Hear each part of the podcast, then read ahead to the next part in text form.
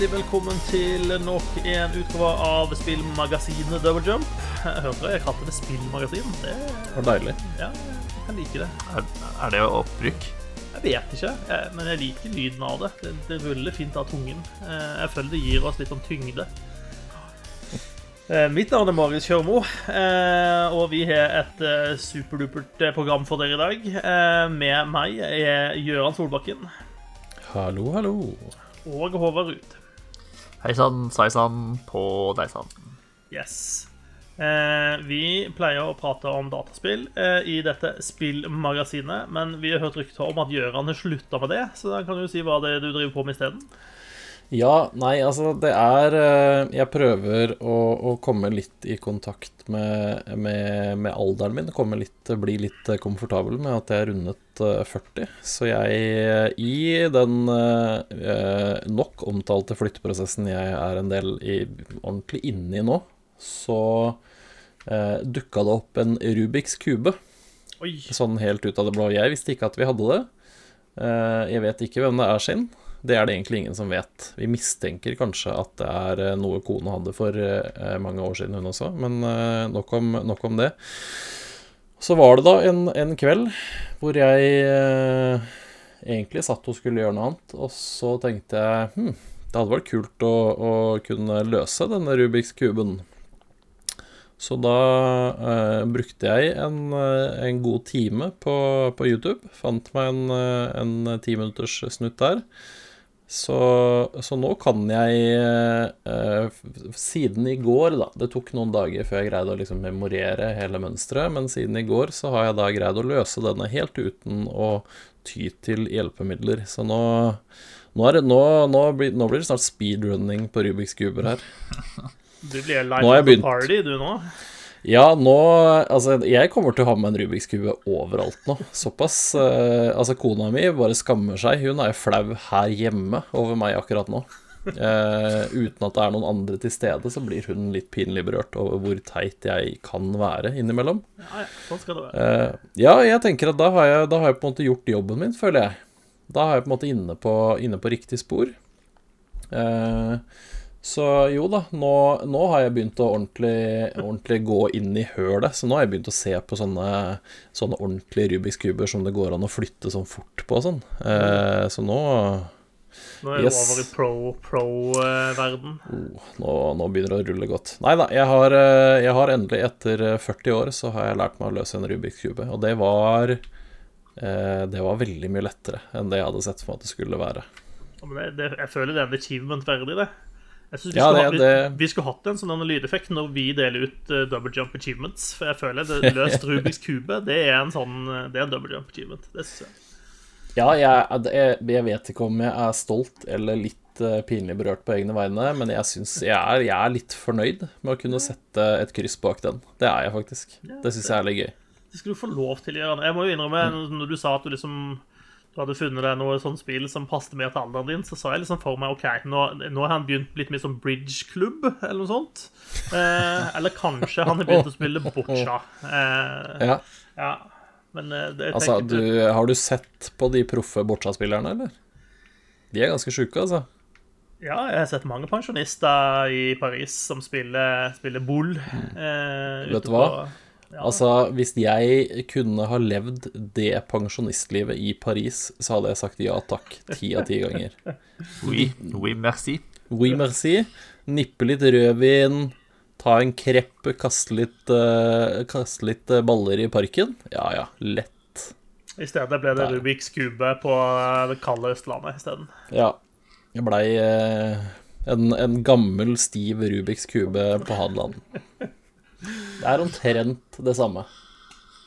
Åh, ja, ja. Ja, ja. Høres ut som tittel på et sånn skikkelig visealbum. det. Gammel stiv Rubiks kube på Hadeland. Da må jeg bare da må jeg ringe Ringe ja, Odd Nordstoga. Jeg føler jeg kanskje hadde kledd den, det albumet. Ja, Ja. han kan sikkert hjelpe deg. Eller Frida Odnevik, kanskje, hvis man skal gå litt dypere. Øh, OK. Men, men hva er på en måte neste skritt da, etter Rubiks kube? Er det noen sånn naturlig videre evolusjon av dette? Jeg tenker jo eh, Nå skal jeg på en måte finspisse teknikken jeg har lært meg, for det er jo mange måter å løse en Rubiks kube på, har jeg skjønt da, etter hvert nå. Eh, så nå blir det å, å se hvor fort jeg greier å få det til. Eh, ikke sånn Jeg skal ikke sitte med det her i timevis, men prøve å bare Og så kanskje, kanskje lære meg en annen måte å løse det på. Sånn, For det er ganske tre ganger tre, ganger tre du har lært deg. Ja, ja, tre ganger tre. Standard, eh, standard kube. For du kan jo kjøpe sju ganger sju og sånn. Ja, altså, da kommer jeg til å si til et år. Eh, men det er, det, er, det er ganske fascinerende, for det er jo Det er jo ekstremt mye kombinasjoner på den kuben. Altså, jeg husker ikke hvor mange millioner forskjellige måter det liksom er å, få den på, men eh, det mønsteret som jeg liksom har lært meg, da, det er eh, Hvor mange steg er det? Én Én, to, tre, fire Er det fem Seks forskjellige sånn steg som du liksom Som du løser, da. Og så er du ferdig.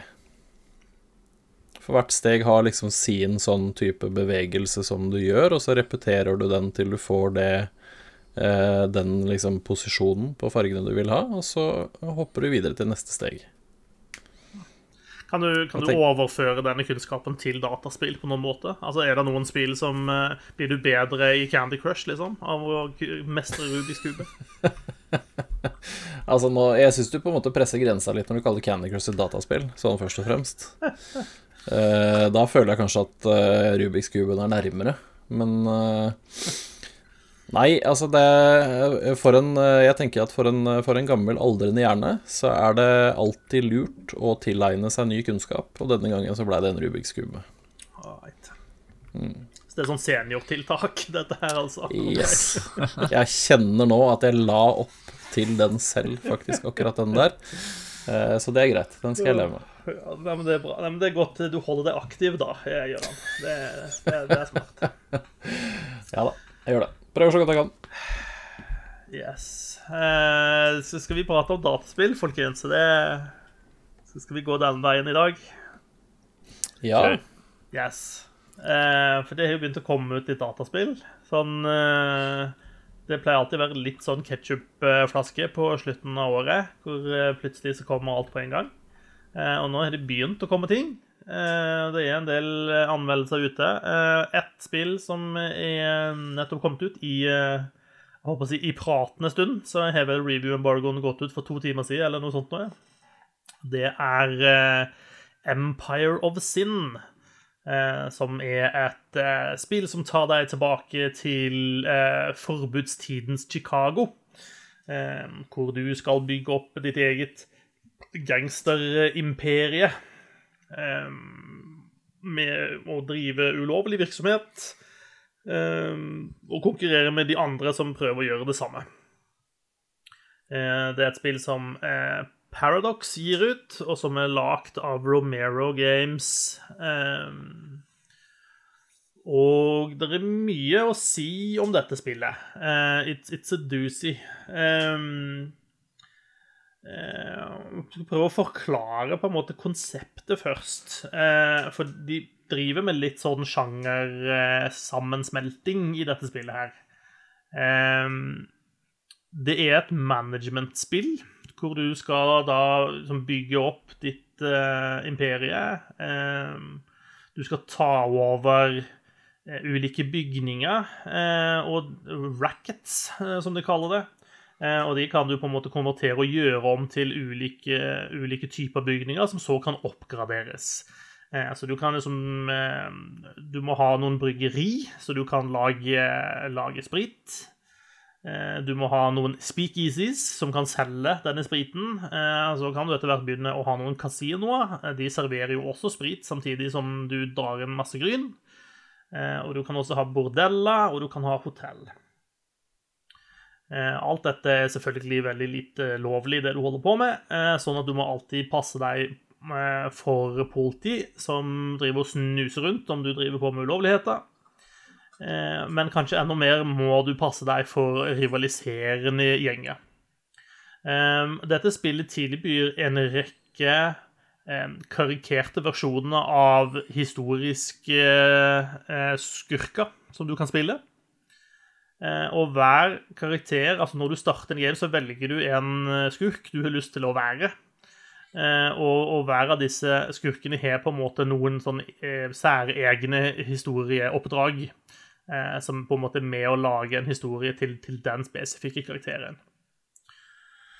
Eh, Management-biten eh, fungerer helt eh, OK pluss, vil jeg si. Eh, det er en del ting som eh, Altså, UI-design er ikke styrken til de som har lagd dette spillet. Eh, for det er, dette spillet er egentlig ikke sånn fryktelig komplisert. Det er en viss dybde i det som på en måte kan være nok, kanskje, til liksom å, være, å, å, kalle det et management-spill. Men de klarer å få det til å virke mye mer komplisert enn det trenger å være. Eh, for det gir deg masse data og masse ulike menyvalg og skjermer som du, som du ikke hadde trengt, for å være ærlig, hvis de bare hadde vært litt effektive med hvordan de serverer deg informasjon. Eh, Men dette er ikke bare et management-spill, det er også et spill hvor du rent fysisk styrer denne skurkekarakteren eh, din. Eh, Og du, ikke bare eh, styrer du det, men du rekrutterer også en hel gjeng med andre kriminelle som blir med gjengen din etter hvert eh, som du vokser deg større. Og disse kan du fysisk flytte rundt ute på gata og bevege fra et bygg til et annet. Og når, blir, når du møter på noen du ikke liker, så kan du gå i kamp. Og da blir det til et sånn type XCOM-aktig turbasert taktisk spill. Eh, som fungerer stort sett sånn som du forventer at sånn skal fungere. Vi har hatt mange sånne spill etter hvert, og dette, i kamp så funker dette sånn du vil forvente. Og det, det er helt greit. Eh, etter, hvis jeg skal si noe om det, så syns jeg at etter hvert så blir du vel mektig, kanskje. Du får eh, alle karakterer si, din skurkekarakter, men også alle de kriminelle du har med deg, har et eget sånn skill-tre som du etter hvert kan levele opp, og de får nye eh, ting de kan gjøre. Eh, og du har alle de sånn klassiske sant? Du har melee-våpen, og du har ulike typer skytevåpen. Noen kan kaste bombe. Eh, og så alle disse alle eh, de hovedskurkene som du kan velge å spille som, alle de har én sånn unikt angrep som de starter med. Og de er stort sett veldig mektige, da. Eh, og du låser opp enda mektigere etter hvert. Så spillet i seg sjøl er ikke sånn superutfordrende, egentlig. Eh, Det er jo vanskelighetsgrader du kan stille på, altså, for all del, men sånn hvis du spiller på normal vanskelighetsgrad, så, så, så var ikke det liksom den største strategiske utfordringen jeg har vært borti, da. Det var det i hvert fall ikke. Um, og du, kan, du får eh, låst opp nye våpen, og når du på en måte tar ut sånne andre sjefsskurker, så har de ofte et sånn legendary loot eh, som du kan plukke opp. Så det trekker litt på den der eh, sånn loot-shooter-greia med at du, du plukker opp nye våpen hele tida, og grønne våpen er sånn common-aktig, og så kan du få noen uncommon, og så kan du få noen som er legendary våpen. Ja, da. Eh, som, som etter hvert blir ganske mektige. Eh, og så eh, dukker hele tiden opp eh, det jeg vil kalle for quests, som du er nødt til å gjennomføre. Altså ulike oppdrag som må gjøres. Noen er sånn som går rett ut på story-progresjonen. Sånn du må eie fem rackets, du må eie ti rackets, du må nå 100 i notoriety, eller hva det heter for noe. Ehm, og så er det en del som går spesifikt på historien din, eh, og så er det en del som knytter seg opp mot hva som skjer rundt deg. Og det er sånne random event som kan skje. Eh, Det, en, en av de tingene som er litt sånn rart med dette spillet, er at eh, tiden går i dette spillet. Eh, men tid er, er jo som kjent relativt, og det har dette spillet benytta seg av, da. Eh, sånn at det at, det at tiden går, henger, har på en måte ingen sammenheng med det du gjør i spillet. Eh, sånn at når du er ute på gata og går med liksom gjengen din, og du beveger deg si fra hovedkvarteret og til bordellet ditt, som ligger to gater nedenfor, så, går, så følger du liksom de du ser, de ovenfra og ned. At nå flytter jeg dit, nå går de der, sånn og sånn. Og så ovenfor, helt øverst i skjermen så er det en sånn bitte liten timer som sier noe om hvor fort tida går. Og det har fort gått en tre-fire dager når du har gjort den lille spaserturen. Og det er en sånn veldig pussig dissonans som bare sånn Dette gir jo ingen mening. Eh, og det er en del ting som er knytta opp til tid, bl.a. hvor når du lærer nye ferdigheter, så er det sånn denne, denne ferdigheten vil det ta 36 dager å lære. OK, så setter jeg på den, og så går jeg og rusler rundt og gjør litt ting, og bing, så var den ferdig. Eh, uten at det egentlig har gått opp for meg at det har gått én dag i det hele tatt. Eh, så måten som spillet går fremover på, det, det, den gir rett og slett ingen mening, da, sånn, sånn som jeg opplever det. Eh, det er også litt å si for måten du på en måte kan eh, styre dette spillet. Eh, for spillet foregår på gateplan, der du, som du ser ovenfra og nede, litt sånn The Sims, egentlig. Du kan liksom se, en, se et, et, nabolag, om du vil. Og Chicago er jo da delt opp i mange ulike nabolag. Og når du starter et spill, så kan du sjøl bestemme hvor mange nabolag skal du spille med. Eh, og det vil være med å avgjøre hvor langt en, game vil ta. da. Eh, jeg tror du kan ha så lite som tre nabolag, tror jeg det minste du kan ha. Og så tror jeg du kan ha opp til om det var 12 eller 15. Mm. Og eh, du kan velge å zoome helt inn, sånn at du liksom ser eh, si, skolissene på karakterene dine, der de rusler nedover eh, Chicagos slitte gater. Eh, men du kan også zoome ut til et slags verdenskart. Eh, hvor, hvor, eh, karakterene dine bare blir sånne små prikker som labber rundt. og Da har du en bedre oversikt. og På det kartet kan du se med fargekoder alle bygningene du eier, alle bygningene som de andre gangsterne eier. Eh, og du kan da høyreklikke på dem og få opp en meny, og, og, derfra så kan du på en måte Nå vil jeg oppgradere den bygningen litt, nå vil jeg oppgradere den bygningen litt. Og så har de i tillegg lagd et litt sånn intrikat system for å følge med på hvor velstående den og den, det og det nabolaget er. For alt etter hvor mye kjøpekraft de har, så vil de også foretrekke ulike typer sprit. Eh, og hvis du er i et fancy nabolag, så vil de ikke ha liksom, billigdriten du lager i badekaret ditt. Da vil de ha mer fancy ting. Så da må du liksom inn og, og tilpasse det. Og det er litt sånn fiddly micromanagement-ting som ikke er så moro, syns jeg, eh, og som etter hvert ikke blir veldig nødvendig heller. Det er sånn eh, Den økonomiske vanskelighetsgraden, den er, den er der i starten. Eh, og det er en litt sånn grind å komme liksom i gang, men når du som først har kommet deg på toppen, så har du stort sett en grei inntektsstrøm uansett, som, som du ikke trenger å drive så mye micromanagement for å opprettholde. Så management-biten funker OK. Kampene funker OK.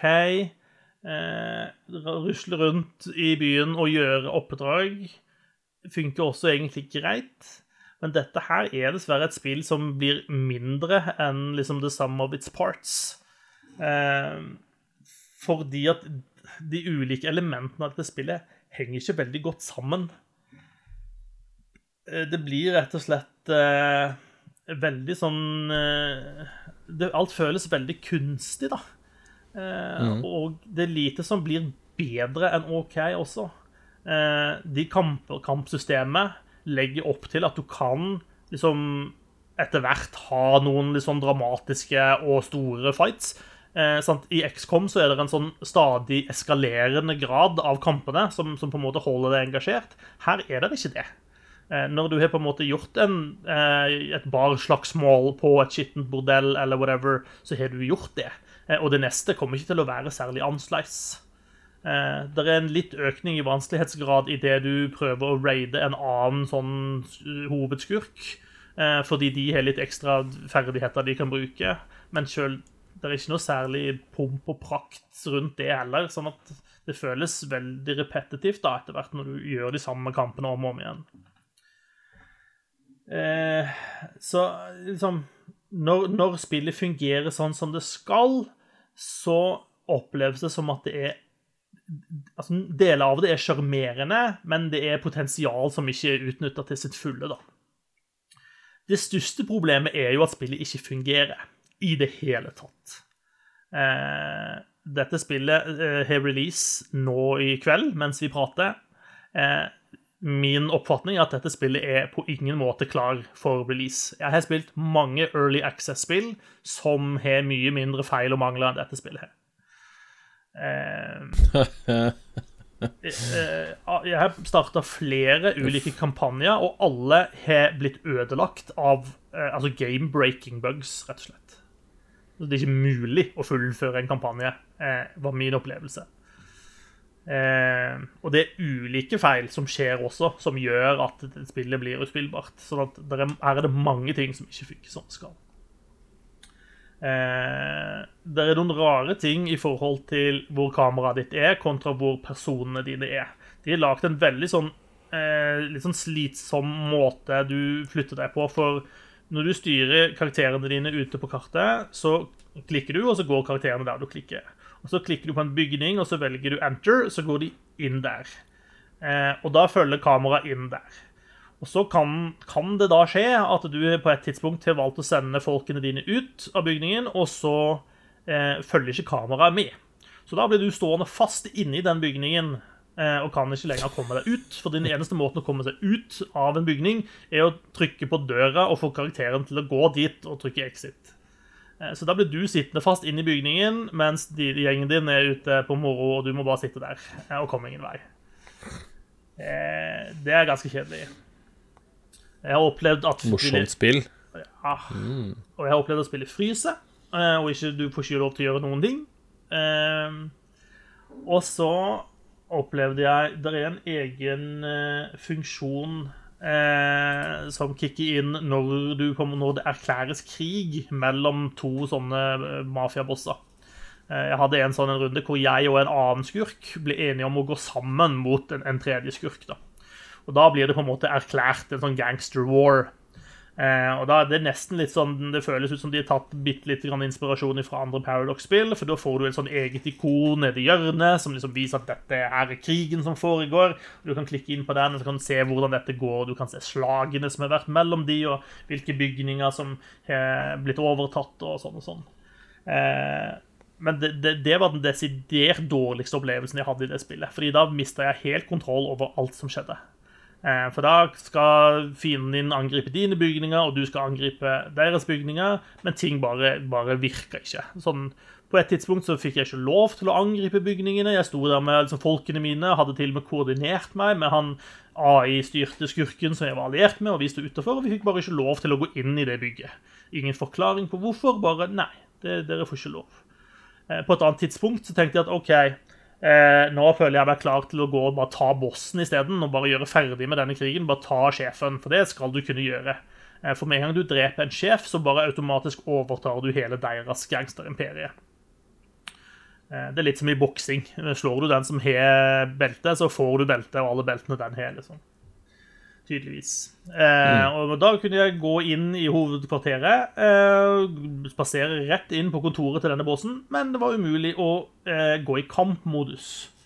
Eh, så jeg fikk ikke gjøre noen ting der, annet enn å bare gå og kikke. Jeg fikk drepe alle vaktene på utsiden av bygget, og som full krig der ute. Gå inn i bygget, skjer ingenting. Får ikke lov å aktivere kamp.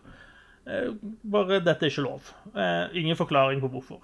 og det fremstår absolutt som en, en bug. Eh, og, og, og, hvis det ikke er en bug, så gir det i hvert fall ingen mening. Eh, så det er sånn eh, Du føler deg skikkelig frustrert fordi at dette er noe som kunne vært veldig bra. Eh, du, altså det er åpenbart at det er mye kjærlighet i dette spillet, for det er en del ting som er ganske forseggjort. gjort. Eh, og måten de har lagd disse karakterene på, selv om det er litt, de er litt sånn campy og, og stereotypisk og sånt, så er det vel ja, ganske karikert, egentlig. Eh, så er det allikevel en sånn kul greie med liksom 1920s Gangsters in Chicago-opplegg. Eh, og det er en ganske god throwback til en del gamle spill som, som, ble lagd til, til denne æraen der. men, men de klarer ikke å sy dette sammen på en god måte.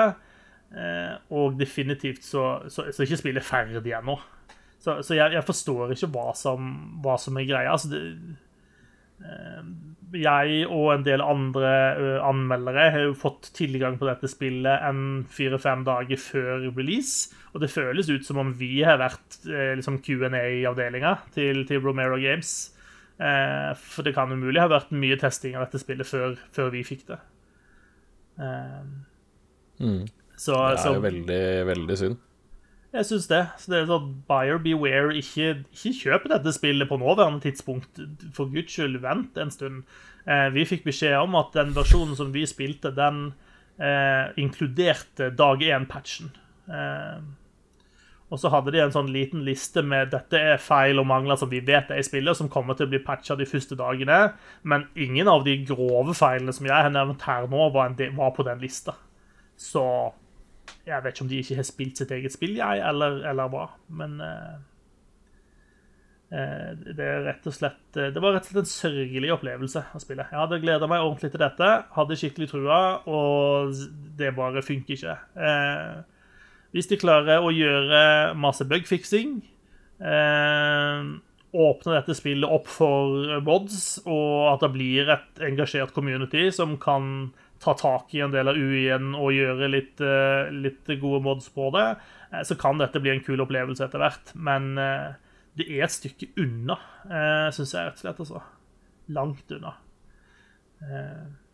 Og så er det også et spørsmål som jeg har tenkt da, som er sånn mm, Hadde det vært mulig å på en måte lage sin egen gangster, da, eller må du på en måte være låst til de gangsterne som er i spillet? Fordi det vil jo påvirke gjenspillbarheten i spillet. da.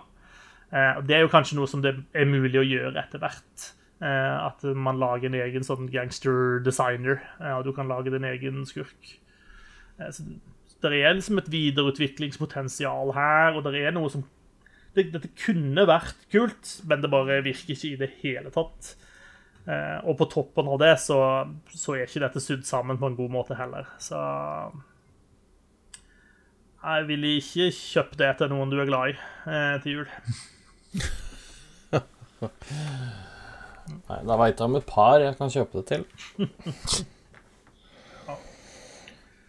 Nei, det er synd, for det var liksom Altså, det, det så så spennende og morsomt ut, sånn altså, Det man fikk se av spillet før, før release, var det sånn Det her kunne man virkelig tenke seg å prøve, men Ja.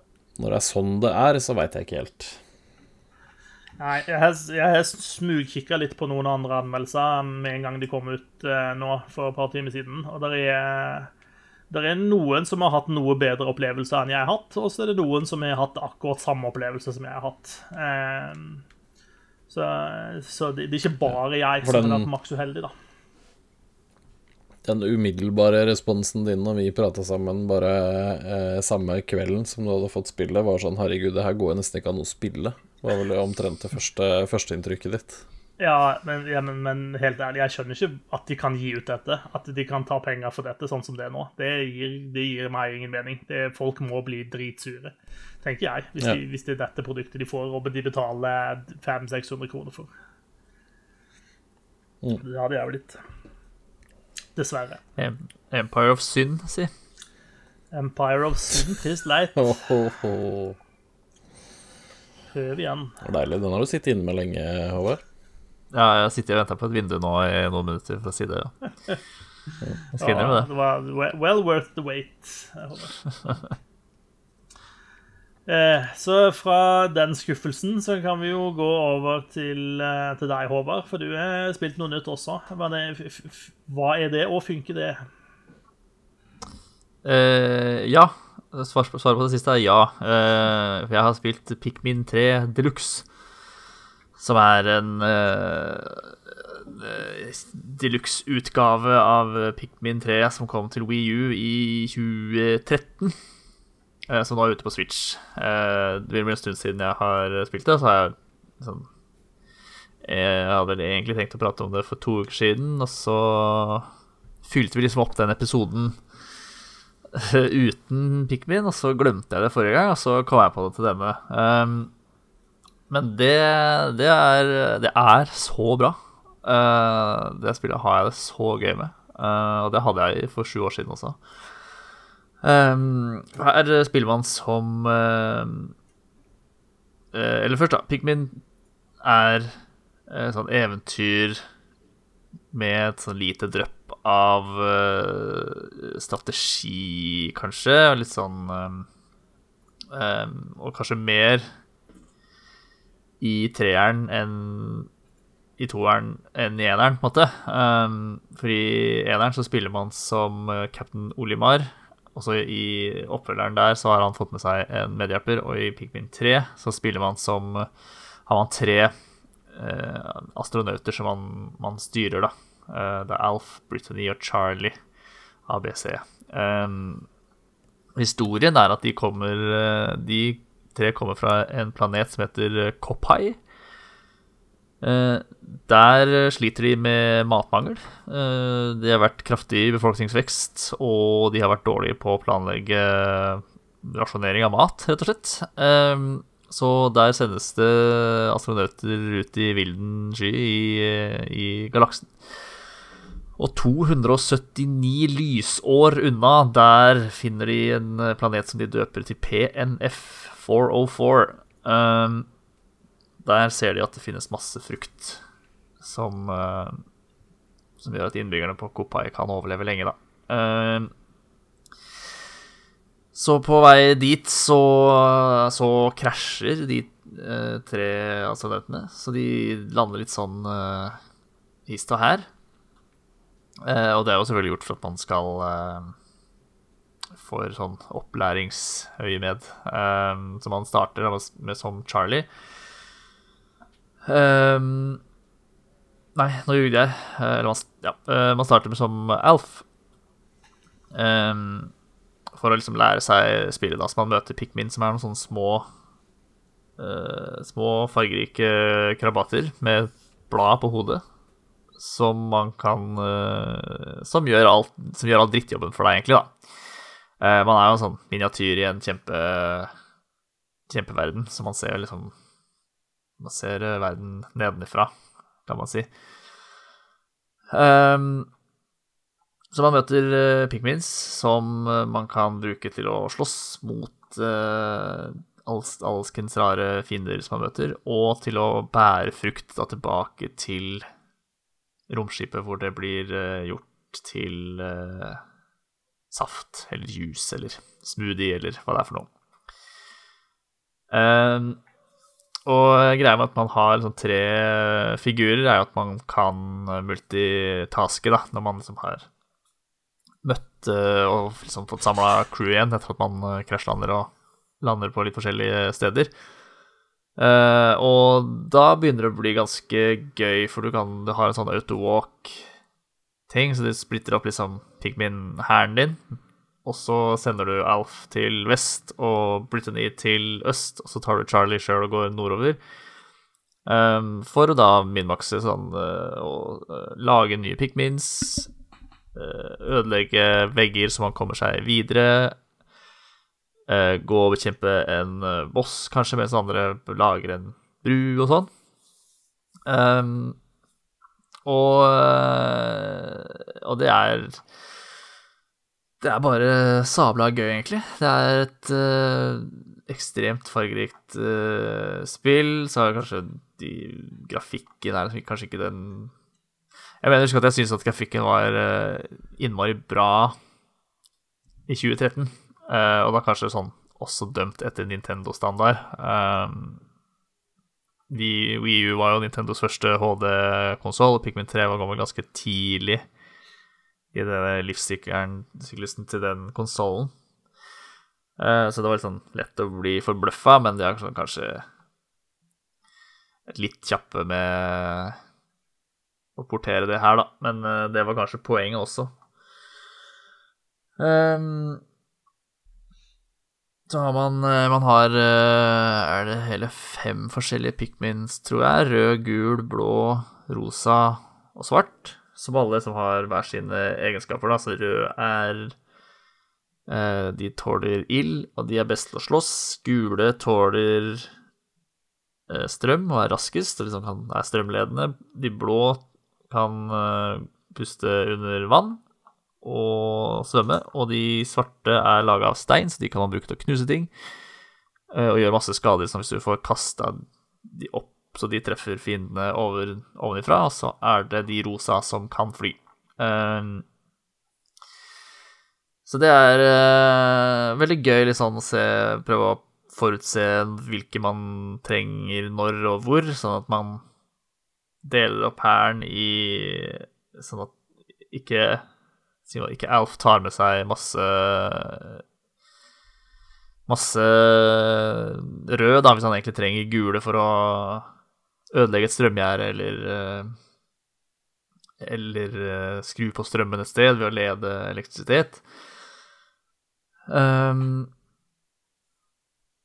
og ja, generelt bare sånn prøve å holde styr og organisere og passe på at man Passe på så pikmins overlever, og at man alltid har nok av en type pikmins og sånn. Um, og så har dette spillet veldig uh, Veldig artige bosser, uh, som uh, Man må også sånn, bruke de forskjellige pikminene og deres egenskaper til å, å løse, da. Som er kjempegøy. Jeg tenker, jeg skal ikke avsløre hvordan man dreper noen bosser, men det er litt sånn Litt sånn Zelda-preg over noen av de, at du liksom må finne ut eh, lære deg angrepsmønstre og sånn, og reagere på det, og finne det, og hvilket vindu der du kan angripe og gjøre, for å gjøre med skade og sånn. Um, og så er det jo Dette er jo deluxe-utgaven, som gjør at det uh, har uh, samarbeidsmodus.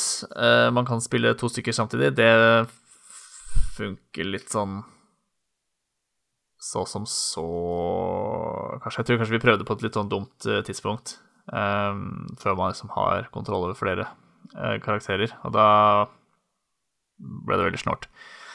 Uh, men det som er gøy, er uh, Det er en prolog og en epilog med han cap'n Olimar fra det første spillet. Hvor du skal løse et veldig konkret oppdrag innenfor en gitt tidsramme. Um, og det Det syns jeg var Det var kanskje sånn spesielt gøy, da. Um, det og uh, sånn mission-modus, så å si, det som er tilsvarende. Uh, hvor oppdraget er kan være sånn enten at du må samle all, all frukten, alle skattene i et område inn tida tikker ut, eller bekjempe alle fiendene innen tida tikker ut. Eller eh, så er det sånn boss-rush, uh, nærmest, da, hvor du må drepe bossene du har kjempa mot i spillet, på på kortest mulig tid. Um, så ja, uh, hvis man ikke har spilt det før, så anbefaler jeg det på det varmeste. Uh, også hvis man har spilt det før. Um, Pikmin 3 er er supergøy. Det er er det, jeg vet ikke om det er riktig å si sånn at det er det beste Switch, eller et av de beste Switch-spillene i år, siden det strengt talt er et sju år gammelt spill. Men varm anbefaling. Bare det. Mm. Det er lov å like gamle spill også. Ja, det, det må det nesten være. Uh, jeg vet ikke om det skal, skal, om det skal konkurrere med Animal Crossing om årets Switch-spill, f.eks., men en, eh, en, het potet, da, akkurat det der, Håvard, i et år hvor mange har lyst til å nominere Among us eh, som et av årets spill. Ja, det er, også, det er jo litt en uh, diskusjon som bør has, uh, all den tid det spillet kom i 2018. Ja. Uh, har det liksom noe i 2020-kåringa å gjøre? Sjøl om det ikke sånn, det var ingen som spilte det før i sommer 2020. Um, så Nei, det er jo en sånn Det er jo et spørsmål, og spesielt når man har etter hvert mange spill som eh, man har sånne typer versjoner som Early Access, for eksempel, da, hvor man ser at spillet er egentlig ikke lansert ennå. Det har en lanseringsdato, men den kommer ikke før om lenge. Men alle kan spille det nå og kjøpe mm. det nå. Når skal, man, når skal, det være aktuelt? Eh, betyr det at man skal kunne holde på med et spill til evig tid, til man finner ut at nå er spillet ferdig og, perf og er liksom perfeksjonert, og da kan det vinne titlene? Eh, jeg vet ikke, det er litt rart. Det er jo noen eh, sånne spill awards som har kategorier som tar høyde for akkurat disse tingene, da, som er sånn eh, er det noe som er sånn Labor of Love-kategori, som, som, er et spill som er godt vedlikeholdt, eller et spill som er jobbet med over tid. Eh, basically det beste spillet som ikke blir gitt ut i år, eh, opplever jeg det som. Eh, ja. er fordi sånn spillkategorier er, eller spillkåringer er nå, så er det jo veldig sånn at det er det beste spillet fra 2020. Um, men altså, det er det ingen tvil om at Among us har jo vært et av, om ikke det mest sånn betydningsfulle spillet for 2020, eller sånn, satt størst preg da, på 2020. Um, men da føler jeg at man burde ha en egen kategori for liksom spillet som har prega året mest, da, eller eh, Det vil jo sånn. ofte være de beste spillene som har gjort det, da. Skulle man tro. Ja, ja. ja. Um, men uh, da må det være uavhengig av når det kommer ut, da. Ja. Må jo være som et uh, nedfelt i kategoribeskrivelsen. Jeg, jeg, jeg, kjenner vi kommer til å ta noen, noen harde valg til Double Jump Awards i januar. DJ Goti skal avgjøres. Shit. Yes. Det er ikke lenge til. Året er snart over. Nei. Første søndag i advent. Ja, det har vært. Mm. Jeg begynner å merke at jeg har litt dårlig tid. Ass.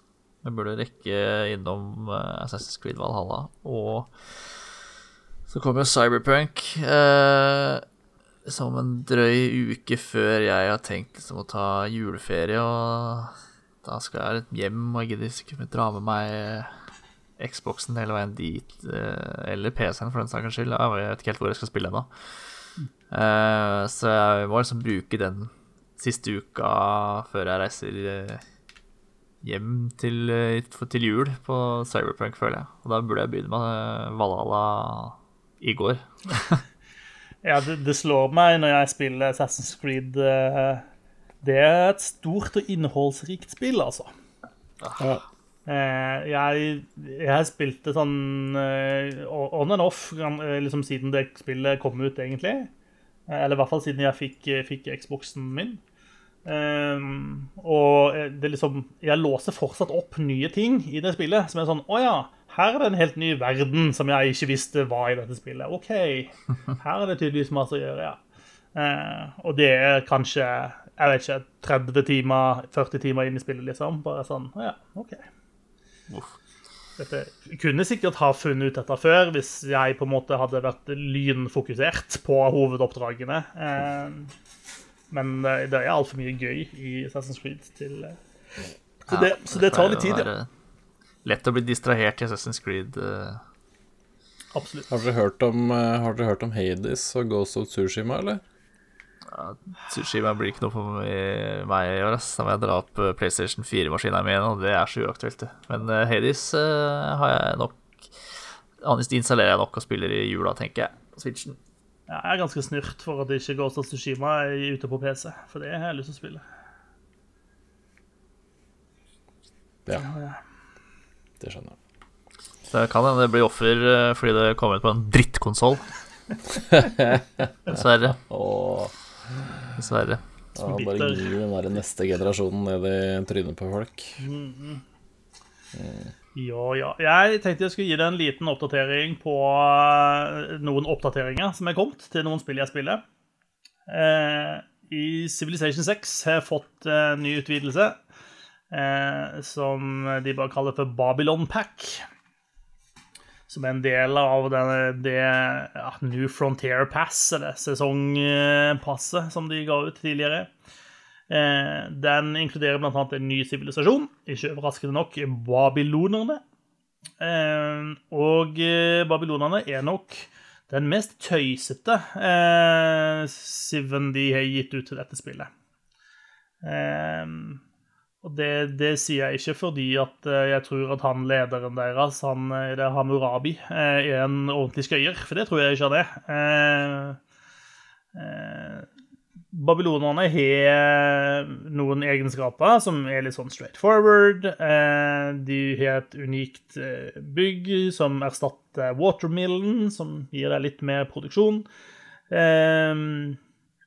har en unik eh, enhet som er en kriger som er dårligere enn den originale warrioren i combat til vanlig, men er bedre mot kavaleri.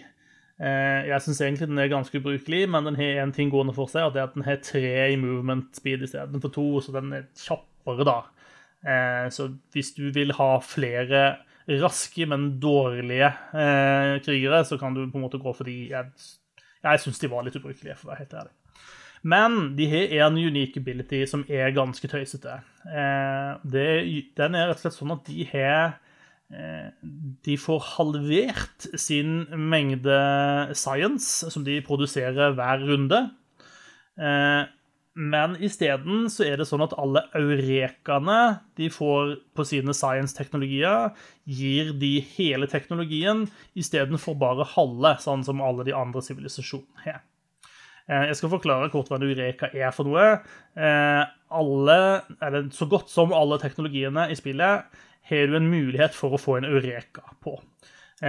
som da gir deg vanligvis en progresjon, halvparten av, progresjonen på den teknologien. En, et typisk tidlig eksempel hvis du bygger en by ved kysten, så får du en eureka på sailing og liksom lærer deg å bygge de første båtene. Ganske logisk. Eh, mens Hammurabi og babylonerne da, de vil da automatisk få den teknologien med en gang du eh, bygger byen ved kysten.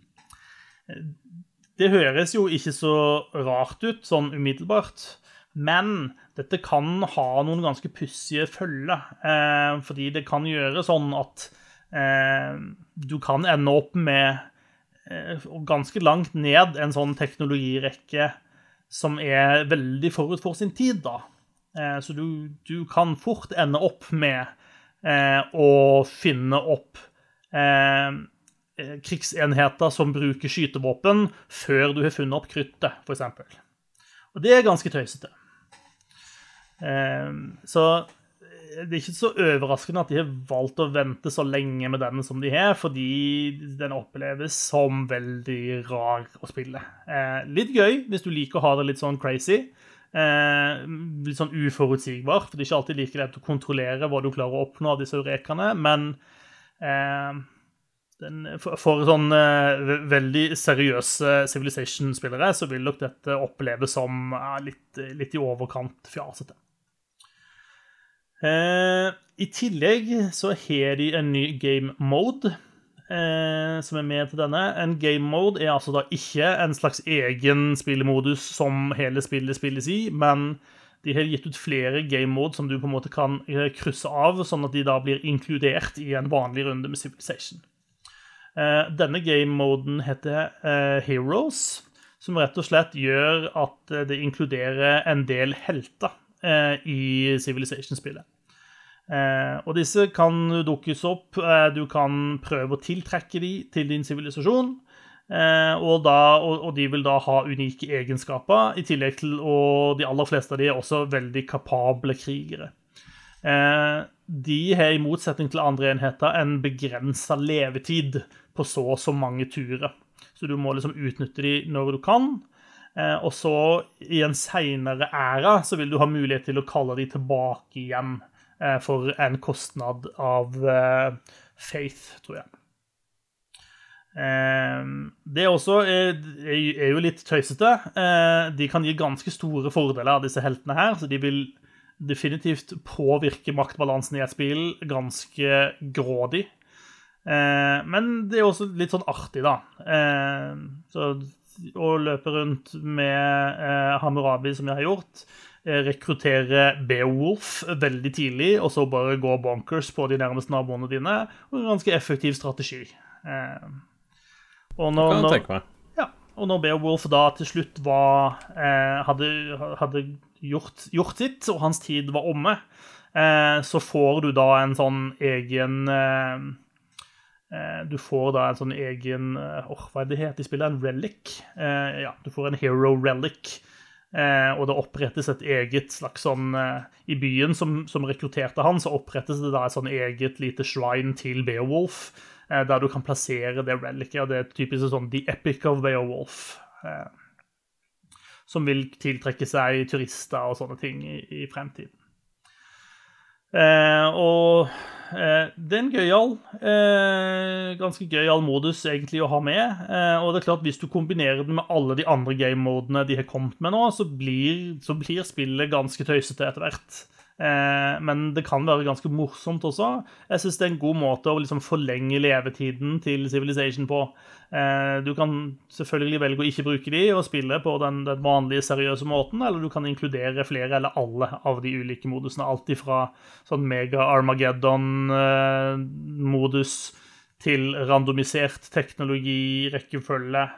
Eh, det er flere av de modusene etter hvert som, som, gjør, som i hvert fall mikser opp ting. da. Så det Eh, Babylon Pack er ikke den, den, dummeste. Det er den ikke. Så hvis du vil rekruttere eh, Beowulf, Hercules, Mulan, Sinbad og diverse, Gilgamesh, eh, så, så har du nå muligheten til det. Så alt i alt syns jeg Babylon Pack var eh, all right og tøysete. Ja. Eh, det er ikke og, det verste, det. Nei da. Og når vi prater om tøysete, så har jeg også lyst å nevne at Crusader Kings 3 har nå endelig sluppet sin ruler designer, som gjør at du kan eh, lage din egen leder som skal styre hvilket som helst eh, land du har lyst til å spille med. Eh, når Crusader Kings 3 slapp, så måtte du velge den helten eller den lederen som allerede var i den nasjonen. Nå kan du altså lage din egen leder med sin egen ett å erobre verden som eh, eh, Harald Dumrian liksom, fra, fra, Agder, hvis det er det du har lyst til å gjøre. Eh, og den ruler-designeren også har de på en måte lagt opp på en sånn måte at du kan lage veldig tøysete folk med den. Eh, du får bl.a. gjøre ganske store eh, påvirkninger på utseendet til eh, karakteren du lager. Eh, det er et eller annet uh, outlet som har eh, en sånn YouTube-serie som heter Monster Factory. Uh, de er veldig glad i sånne character creators hvor du kan lage horrible monstre av mennesker. De tror jeg liker denne ruler-designeren, for du kan lage noen ganske grusomme skapninger i denne. Eh, de har også valgt å legge seg på en linje hvor du får lov til å lage altså, ordentlig superduper ultramegamektige folk, hvis du vil. Og spille som det hvis det er det du har lyst til. Eh, alle ting du på en måte legger til, alle egenskaper du legger til, har en sånn poengverdi. Eh, og du kan bruke så mye poeng du bare vil. Det er det ingen begrensning på. Den eneste begrensningen er at hvis du bruker over en viss sum, så vil du ikke lenger kunne få achievements i spillet. Eh, og det tenker jeg er en, en, god måte å gjøre det på. I Crusader Kings 2 var de strengere på dette, eh, og de ville ikke at du skulle få lov til å lage superduper folk, fordi det vil ødelegge balansen i spillet. Men i Crusader Kings 3 så har de da bestemt at hvis du har lyst til å ødelegge balansen i spillet, så er det helt greit. Kos deg, dette er din lekegrind, eh, og det synes, setter jeg egentlig veldig pris på. Samtidig som de da prøver å opprettholde den, la oss kalle det noe utvaska eh, verdien av, av achievements, da. Ja. Eh, så den, det er en gratis oppdatering til Crusader Kings 3. Så den, eh, hvis du har spilt litt Crusader Kings, lagt det litt ifra deg, ta og fyr opp Ruler Designeren og lek deg litt med den, for det, det var ganske gøy, faktisk. Yes. Kult. Jeg har sett et par av de eh, skapningene, er vel kanskje mer riktig å, å kalle det, som folk har lagd. Og det er ja At en av de skal styre et eh, rike, det er ganske hysterisk aleine. Jeg så noen lagde en veldig bra Waluigi eh, og skulle erobre Italia. Herlig. Yes. Det var egentlig det. Tar, det har vært litt rolig på nyhetsfronten også, men vi kan ta et par saker. Jeg så noen ganske kule bilder, nemlig, eh, fra eh, Japan. Eh, jeg skulle til å si eh, Super Marios fødested, men, men, jeg vet ikke om det er riktig. Han er vel egentlig italiener, strengt talt. Eh, I hvert fall. I Osaka eh, så er det en fornøyelsespark som kalles for Universal Studios. Eh, og de har annonsert at en ny del av parken skal åpne 4.2, og den delen heter Super Nintendo World. Eh, og jeg anbefaler å ta en tur på internettet eh, og søke frem bildene som har kommet derfra, fordi den verden ser ganske kul ut, altså. Og det ser ut som å være i Mushroom Kingdom, rett og slett. Så Det ser skikkelig stilig ut. På åpningen så er det to sånne hovedrides som skal være klare. Det ene er en Mario Kart-ride, og det andre er en Yoshi's Adventure-ride. Det hvis, Når vi får lov til å begynne å reise igjen, eh, så høres det ut som eh, eh, et godt reisemål. Osaka i Japan, altså. Ja, det her covid-greiene bør være over til 4. februar. Ja, det er Jeg kjøpte billett alt, du. Ja, ja, ja. Ja, da. ja det ser eh, Det ser fornøyelig ut, for å si det sånn. Ja, det ser kjempebart ut. Kan være jeg må en tur til Star Wars-delen av eh, Disneyland først, men eh, vi får se. Eh, en Xbox-app kan være på vei til en TV nær deg. Eh, I et eh, intervju med The Verge eh, løfta Phil Spencer litt på skjørtene og vifta med muligheten for en Xbox-app på smart-TV og sa at den kan komme allerede neste år. Eh, men det virker ikke som om de på en måte hadde planene 100% klare ennå for dette. Men han uttalte seg noe sånn som at han tror ikke at noen vil motsette seg at vi gjør dette.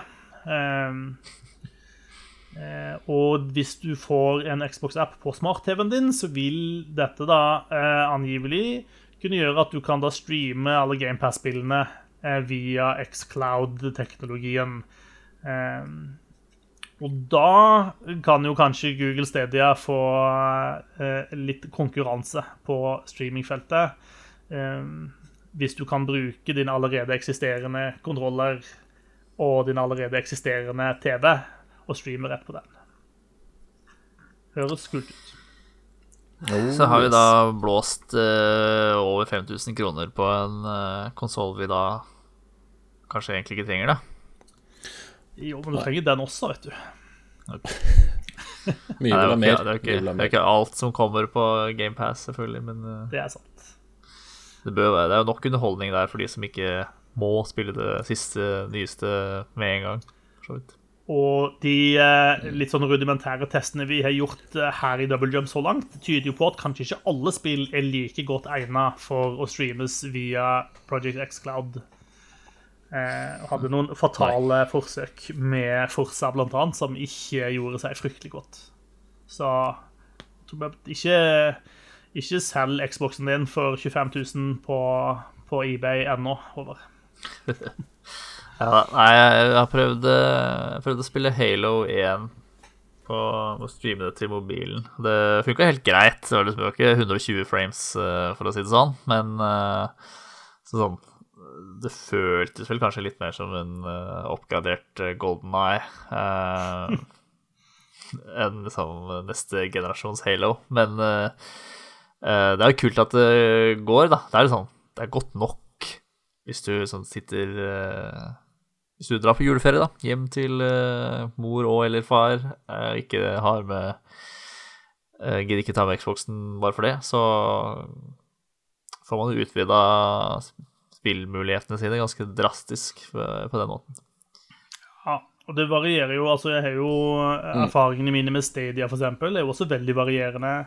Eh, når jeg har brukt Stadia-tjenesten på PC-en, som er kobla til internett med kabel, eh, så har jeg kunnet spille Destiny 2, og det har funka kjempefint. Eh, mens når jeg har sittet med TV-en og Chromecast og wifi, eh, så har det vært mye stussligere å spille spill som er langt mindre krevende enn Destiny igjen.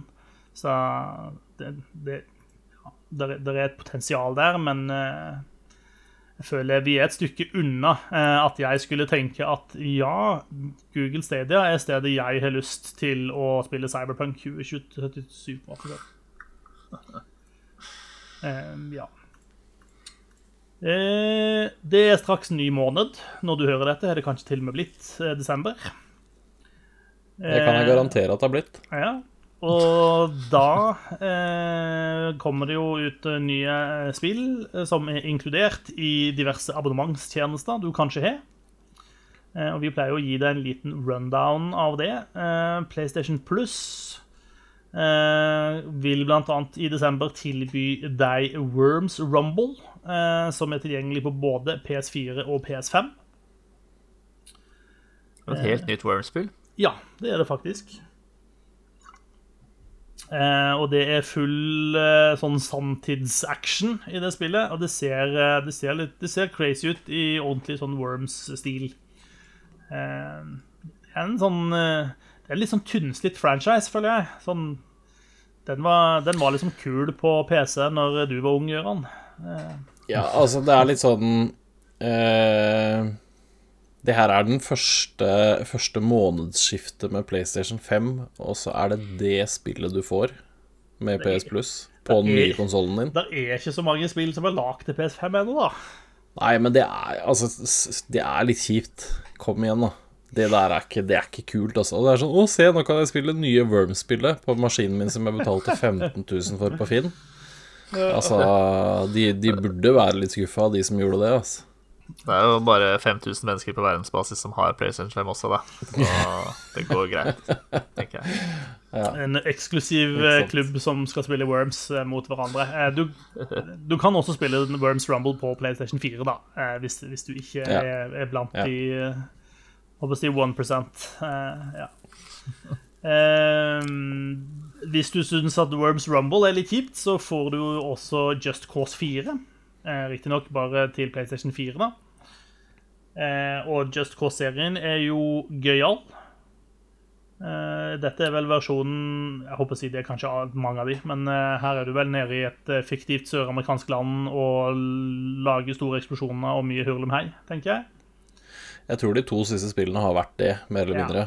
Eh, men det er ganske Altså, Just Cause-spillene er morsomme for det de er, egentlig. Det er en, en, en kjempestor sånn eh, Nå Finn på så mye kødd du bare kan tenke deg, simulator. Ja. Eh, og det gjør de ganske bra. Er noe, det er ikke min type spill i det hele tatt, sånn, men det er, det er allikevel gøy å ha i de spillene. Det er en åpen verden sandkassespill med eh, mye eksplosjoner og eh, de skrur, de skrur liksom action opp til 11, da. Ja, jeg tror eh, Just Cause 4 åpner med at du står på vingene til et jagerfly, eller noe sånt, Ja. Riktig. og skyter med, med rakettkasteren din. Jeg tror, vi, jeg, tror det, jeg tror det er Just Cause 4 som åpner der. Må være såpass, si. Ja, ja, ja. Eh, Det siste spillet du får med i PlayStation Plus, er Rocket Arena. Det er ikke et spill jeg kjenner noe særlig godt til, men det er også et relativt nytt spill, tror jeg. Eh, Og det er vel et mer sånn type lagbasert flerspillerspill, tror jeg. ja. Ja. Det er vel det det er. I, Det er eh, sju stykker som spiller det, cirka, sånn rundt omkring i verden. Skyt folk med rakett i en arena. Yes. Eh, hopper vi over til Xbox Live Gold, eh, så får du The Raven Remastered eh, til både Xbox One og Xbox Series X og Series S. Det der kommer til å get old really fast å si det der, altså. Eh, Dette er en remastered versjon av The Raven som kom ut i 2013. Eh, og som jeg ikke vet noen ting om. Da vet vi ca. like mye. Ja, jeg, jeg tror det er litt sånn Agatha Christie-inspirert eh, krimaktig spill. Eh, men det er stort sett det jeg vet om det. Eh, ikke på en måte det, det største eh, slaget på tromma eh, Xbox eh, og Microsoft kunne gjort heller, tenker jeg, da. Du får også Bleed 2 til de samme konsollene. Eh, og det ser ut til å være en form for plattformspill. Jeg vet ikke om det er noe du har spilt, Gøran? Nei, ikke i Nei. det hele tatt. Jeg har ikke hørt om det engang. Ikke eneren heller, regner jeg med. Eh, og til sist eh, Ikke til sist, eh, men kanskje først og fremst eh, så får du Saints Row Get Out of Hell Eh, det er da til Xbox 360, Xbox One, Xbox Series X og Xbox Series S. Eh, Get Out of Hell er vel Altså, det er den frittstående utvidelsen til Saints Row 3, stemmer det? Fire. Fire, yes. Det var, det var nesten. Ja. Det var nesten. Ja. Eh, det blei vel en sånn eh, litt blanda mottagelse på det spillet, tror jeg. Så det er ikke noe Jeg hadde vel ikke holdt pusten her heller. Ikke holdt pusten. Greit. Nei. God leveregel, det. Med mindre du er under vann. Eh, hold pusten, da. Ja. Eh, det siste du får, er stacking, eh, også til de samme ovennevnte konsoller. Eh, det, det er Tim Shafer som lagde det spillet. Eh, jo en godt kjent spillutvikler som har lagd mye moro. Eh, Men det er ikke noe jeg har spilt. Så jeg kan liksom ikke si så veldig mye om det er moro eller ikke. Men det er litt sånn plattform og gå til løsning og skal være litt sånn søtt og, og hyggelig, på en måte. Ja, nei, det er uh, Det her er den kjipeste måneden på lenge. På PS Plus og Xbox Gold, sånn som jeg husker, i hvert fall. Nå husker jeg Ingen av de ja, tjenestene som eh, virkelig danker ut den andre denne mannen, eh, vil jeg si. Det, er litt, det, er litt, altså det har jo vært litt spekulasjoner rundt akkurat desember desembermåneden eh, for disse tjenestene. Fordi begge disse tjenestene er jo litt sånn eh, Skal man fortsette med de i det hele tatt? Eh, mange spekulerer jo i at eh, Xbox Live Gold skal bare forsvinne helt ut, og at det skal være GamePass, eh, som er, den eneste tjenesten du har. Eh, og så kan du ha enten GamePass eller GamePass Ultimate. Og for PlayStation sin del så er det også et spørsmål om de skal fortsette med den pluss-tjenesten her, eller om de også skal ha De har jo begynt med sin egen sånn Classics-tjeneste som bare funker på PlayStation 5. eh, Eller Ja, noe sånt. stemmer det. Ja. Stemmer det. Eh, så det var jo litt noen som spekulerte i at hvis de skulle fortsette med disse, så ville vi nok se noen ordentlige storspill, for da ønsker de på en måte å signalisere det at, dette er noe å fortsette med. Men eh, det, var ikke, det var ikke noen fyrtårn her som tyda tyder på at eh, dette er noe å glede seg til i, i 2021, da. Nei. Jeg Kaster meg vel ikke akkurat rundt, nei. Nei. Ikke kast deg rundt. Eh, Epic Game Store har det også med å gi bort gratisspill. Eh, for at du, du ikke skal hate de, eh, for at de har lagd en konkurrent til Steam. Eh, det ser ut til å funke sånn middels enn så lenge, men det er jo gøy med gratisspill, da. I skrivende stund så er det Mudrunner som er gratis i Epic Game Store. Det er et uh, bil- og kjøretøysimulator der du kjører ut i skauen, I guess. Uh, og fra 3. desember så er det Cave Story Pluss, uh, som er gratis i Epic Store, eh, som er en remaster av en 2D Metrodania-plattformer eh, som ble gitt ut eh, så langt tilbake som 2004, tror jeg. Ja. Yes. Så Det kommer mye andre spill i desember. Det kan hende det er derfor. At det er eh, At de har litt, litt kjipere spill akkurat nå. Fordi det er mye annet som skjer i disse tider. det kan, kan jo være. Ja. Eh, og så kan det også være at de vil at du heller skal kjøpe de andre spillene og legge de under juletreet. Kanskje. Så kanskje du får noe bedre spill i januar, da. Er det vi, er det, det vi sier? Lov å håpe. Januarsalget. Eh, vi har nådd eh, podkastens ende her i dag. Eh, vi har en pågående bokklubb. Vi spiller, spiller Carrion. Eh, den artige eh, skrekkaktige spillet hvor du spiller monsteret. Eh, det anbefaler deg å gi det en test. Neste uke så får du høre bokklubben hvordan dette gikk for seg, om vi syns det var noe artig. Eh, inntil da, eh, så hold deg frisk og rask. Ta deg en tur i sollyset når det er der, og så er vi på gjenhør om en ukes tid. Hei så lenge, da. Snakkes da vel. Snakkes.